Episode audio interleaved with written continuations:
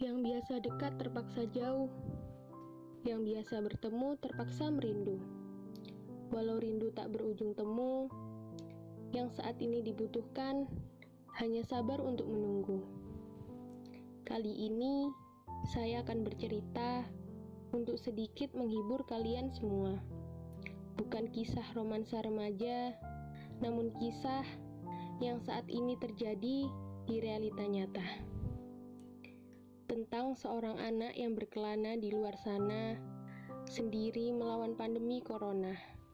Kira-kira apa yang akan terjadi padanya? Akankah ia terpapar corona ataukah ia baik-baik saja? Baiklah, daripada banyak bertanya, lebih baik langsung ke dramanya saja ya.